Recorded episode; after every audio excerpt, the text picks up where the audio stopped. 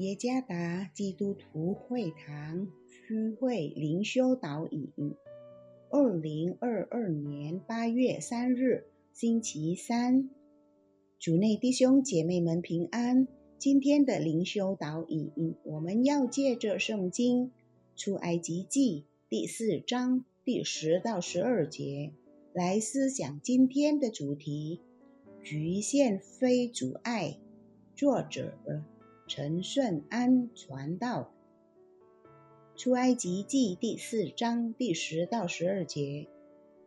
摩西对耶和华说：“主啊，我数日不是能言的人，就是从你对仆人说话以后，也是这样。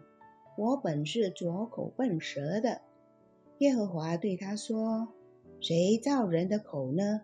谁使人口哑、耳聋？”目明眼瞎呢？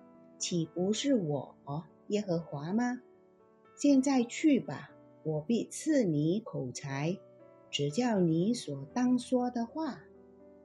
大约三个月前，我妈妈遭遇到意外事故，这事故导致我妈妈靠近左手腕骨折及手指被扭伤。事故之后好几天。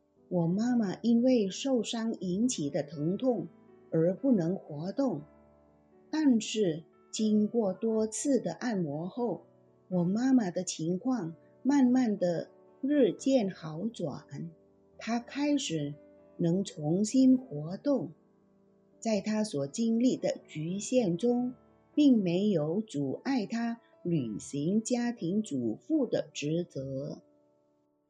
在今天的灵修经文，我们可以看到上帝差遣摩西的故事。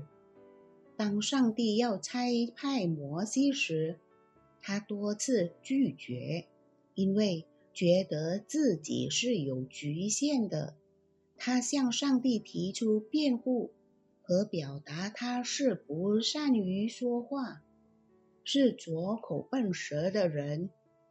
上帝回应了觉得自己有限的摩西，告诉他，上帝必赐他口才，并指教他作为使者所当说的话。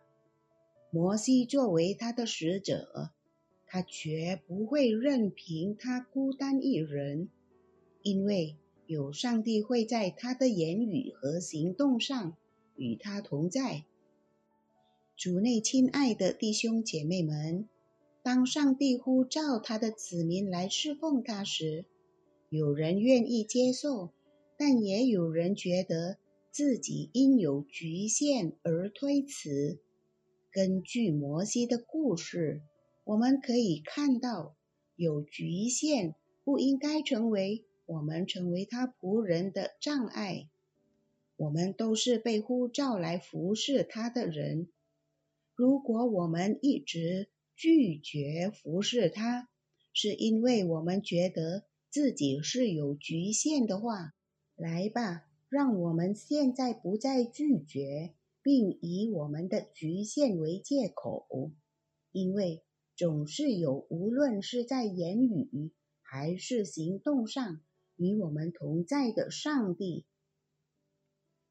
自我的局限。并不是服侍的拦阻，不愿意才是真正的阻碍。主耶稣赐福。